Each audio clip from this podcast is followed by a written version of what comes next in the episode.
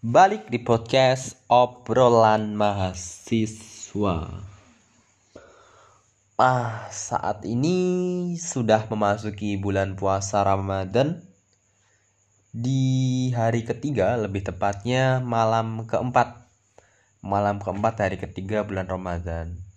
Alhamdulillah, puasa saya sejauh ini lancar, tidak ada hambatan, dan masih bisa beraktivitas dengan normal. Meskipun aktivitas yang saya jalani tidak seintens biasanya. Dalam arti saya kurangi untuk lebih beristirahat ataupun beraktivitas di dalam ruangan agar tidak menguras tenaga dan puasa saya bisa lancar sampai tiba adzan maghrib. Seperti itu. Dan saya mengucapkan selamat menunaikan ibadah puasa bagi kawan-kawan semuanya yang menjalankan ibadah ini dan semoga amal ibadah di bulan puasa ini diterima di sisi Allah Subhanahu wa taala dan bisa merayakan hari fitri setelah menjalani 30 hari ataupun dua satu bulan penuh bulan puasa. Seperti itu. Kawan-kawan pendengar podcast obrolan mahasiswa Di episode ke-101 ini Saya mencoba memberikan satu pertanyaan Dan mari kita bahas bersama-sama. Saya mencoba menyampaikan dari kata-kata yang pernah saya dengar Kata-kata menurut saya dan juga yang saya ketahui gitu Pertanyaannya sangat simpel sekali dan bagi pendengar yang mendengarkan podcast ini silahkan dicerna, silahkan dipahami atau punya jawaban sendiri bisa apa nanti bisa disampaikan melalui pesan di podcast obrolan mahasiswa via anchor juga bisa atau hubungi Instagram saya. Pertanyaannya pertanyaannya adalah sampai salah-salah. Pertanyaannya adalah apa yang dimaksud mahasiswa? Itu teman-teman. Itu kawan-kawan semuanya. Simpel sekali pertanyaan ini tapi pasti semua orang punya pendapatnya masing-masing terhadap pertanyaan ini. Siapa itu mahasiswa? Ya siapa lebih tepatnya bukan apa. Karena mahasiswa adalah orang. Siapa itu mahasiswa Orang yang punya jawaban mungkin ya. Jawaban pertama adalah mahasiswa adalah orang yang menempuh per, yang menempuh pendidikan di perguruan tinggi. Itu itu juga jawaban ya benar. Memang mahasiswa tempatnya di perguruan tinggi, bisa di universitas, bisa di institut, bisa di sekolah tinggi, bisa di akademi, bisa di politeknik, ataupun perguruan tinggi perguruan tinggi yang lain. Yang jelas mahasiswa adalah sekumpulan orang yang menempuh pendidikan di perguruan tinggi. Itu benar. Tapi kalau dikupas secara mendalam, mahasiswa itu apa sebenarnya? Siapa sebenarnya mahasiswa itu? Kalau dan mengapa ada label maha di belakangnya? Kenapa tidak siswa saja namanya? Kenapa harus ada mahasiswa? Terus kenapa yang mengajarkan harus diberi nama dosen, bukan guru seperti bangku sekolah? Terus pemimpin di perguruan tinggi kenapa harus rektor, bukan kepala sekolah, bukan kepala universitas? Ada apa sebenarnya? Ini sebenarnya pertanyaan atau istilah-istilah yang mungkin tidak pernah terbesit di kepala kita masing-masing. Dalam arti kita tidak pernah terpikirkan untuk mengetahui jawabannya lebih dalam. Sebenarnya mahasiswa itu siapa? Kenapa harus ada istilah-istilah tersebut? Gitu. Kalau dari pengertiannya tadi itu tadi mahasiswa itu adalah seseorang yang menempuh pendidikan di perguruan tinggi. Selain itu, apa yang lebih menspesialkan mahasiswa dibandingkan dengan siswa? oh mahasiswa itu punya keluasaan lebih. Dia diberikan kebebasan. Dia diberi kewenangan lebih. Dan dia lebih dianggap lebih dewa sudah dewasa. Karena bukan lagi di tingkatan sekolah dasar, sekolah menengah ataupun sekolah menengah atas, tapi sudah tingkatan perguruan tinggi. Tetapi pada kenyataannya apakah seperti itu? Kalau memang mahasiswa diberi kebebasan, apakah mereka diberikan kebebasan sepenuhnya? Diberikan kewenangan sepenuhnya? Sebenarnya kalau kita berhasil apa ya eh, memahami memahami ini ini bisa membedah lebih dalam. Sebenarnya apakah hal demikian benar-benar terjadi bahwa mahasiswa itu ya secara tanggung jawab dia sudah tanggung jawab diri sendiri. Dia bukan tanggung jawab orang tua, bukan tanggung jawab pihak kampus. Karena dia sudah menjadi seorang mahasiswa, bukan lagi seorang siswa. Gitu ya meskipun ya meskipun dalam hal biaya pendidikan masih dibiayai oleh orang tuanya. Belum benar-benar mandiri gitu ya. Tapi kenapa sih mahasiswa itu dibilang spesial? Padahal kalau bagi saya pribadi baik siswa maupun mahasiswa sebenarnya itu kan hanya perbedaan istilah hanya perbedaan perlakuan hanya perbedaan tempat bagi saya ini saya jadi subjektif saya seperti itu.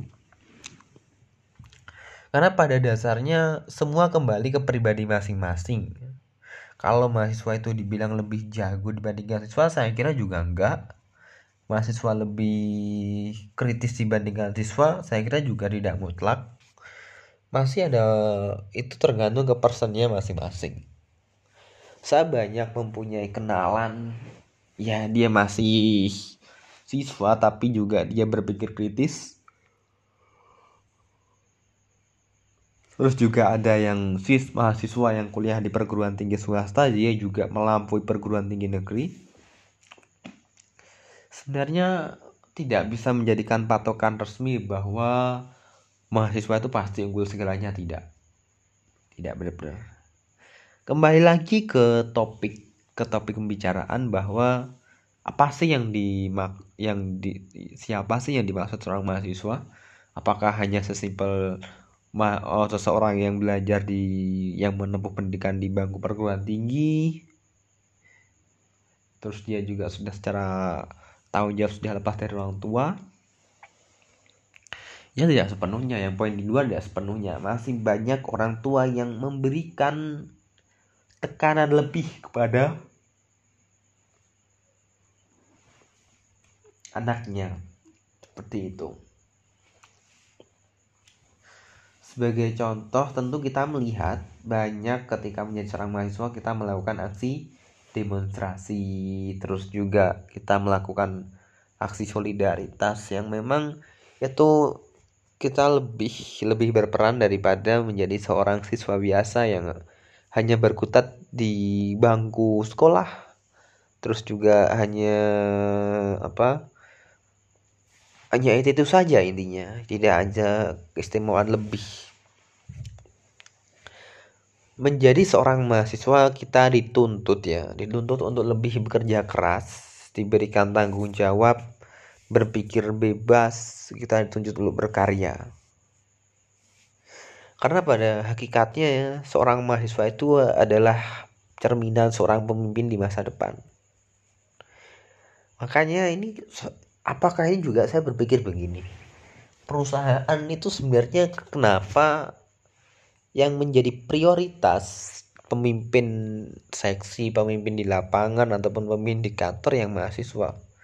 Padahal saya yakin ya kalau secara kemampuan dibandingkan yang lulusan sekolah, ya yang lulusan sekolah sebenarnya tidak kalah atau bahkan bisa menang. Tapi kenapa harus mahasiswa?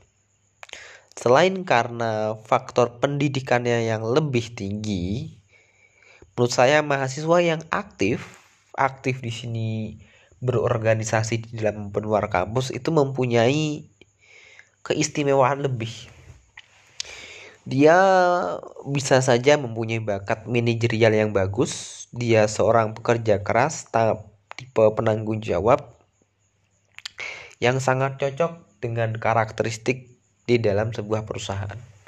Ya sama-sama organisasi sebenarnya. Organisasi di situ ada struktural cuman bedanya di organisasi itu tidak ada profit tapi di perusahaan hanya yang menjadi tujuan adalah profit. Mahasiswa di sini juga punya perin bukan perin peran untuk menjadi seorang pemimpin di masa depan pemerintah tidak henti-hentinya menggaungkan bahwa mahasiswa akan menjadi pemimpin di masa depan. Benar. Mahasiswa itu sebenarnya punya peran lebih, harusnya punya peran lebih dalam masyarakat. Punya peran lebih dalam memberikan kontrol kepada pemerintah. Dengan semangatnya, semangatnya untuk berkorban, semangatnya untuk bekerja keras, menerima tanggung jawab, ini merupakan sebuah contoh bahwa mahasiswa ini sebenarnya bukan label yang sepele bukan yang biasa tapi luar biasa sekali. Banyak ya mahasiswa ketika di bangku sekolah dia tipenya pendiam terus ketika uh, di bangku sekolah menengah atas pun juga ada pinggian. Tetapi ketika masuk bangku kuliah dia benar-benar aktif. Kenapa dia bisa berubah sifatnya. Ya karena dia bisa memanfaatkan dengan baik titelnya sebagai seorang mahasiswa. Itu sebenarnya sangat luas sekali saya melihat seorang mahasiswa. Potensi yang sangat besar dituntut kreatif terus juga mulai menyentuh ranah politik meskipun hanya di ruang lingkup kampus. Tapi ini menurut saya sebuah hal yang luar biasa bagi apa bagi siapa saja yang menduduki pimpinan pengurus uh, himpunan mahasiswa ataupun organisasi yang lain ini menjadi yang luar biasa bagi saya. Dia sudah dibekali kemampuan manajerial yang bagus. Terus fenomena-fenomena akhir ini yang juga saya sering melihat adalah banyak sekali mahasiswa yang rela menyambi kerja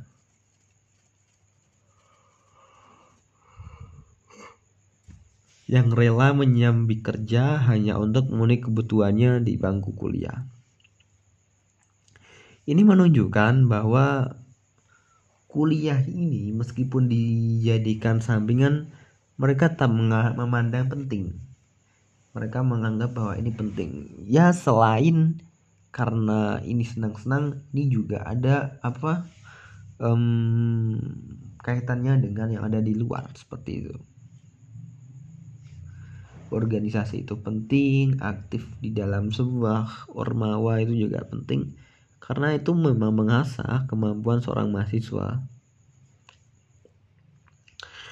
Jadi itu ya sebenarnya mahasiswa itu sangat banyak pengertian. Salah satu, salah satu pengertian dari seorang mahasiswa ya. Um, itu seperti itu mahasiswa luar biasa.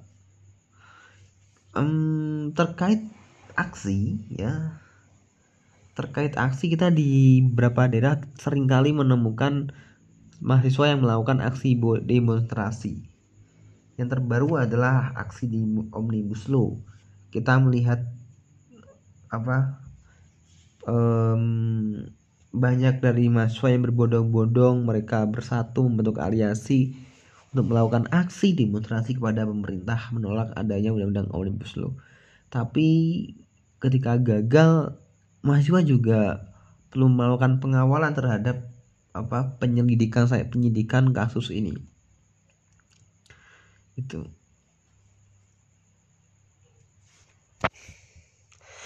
Mungkin seperti itu dari saya kawan-kawanku. Ya ini saya sudah mulai apa lah berbicara terus menerus ya. Hmm, apa lagi ya? Sam saya sih cukup ya sampai jumpa di episode berikutnya dari podcast obrolan mahasiswa kawan-kawan semuanya. Hmm, itu. Sekali lagi kalau mungkin dari ada yang merasa kurang di podcast ini silahkan disampaikan. Saya sangat terbuka bagi siapa saja yang melakukan saran kritik. Sangat terbuka. Demi podcast obrolan mahasiswa demi kita semuanya hal yang lebih baik seperti itu. Sampai jumpa di episode berikutnya and bye bye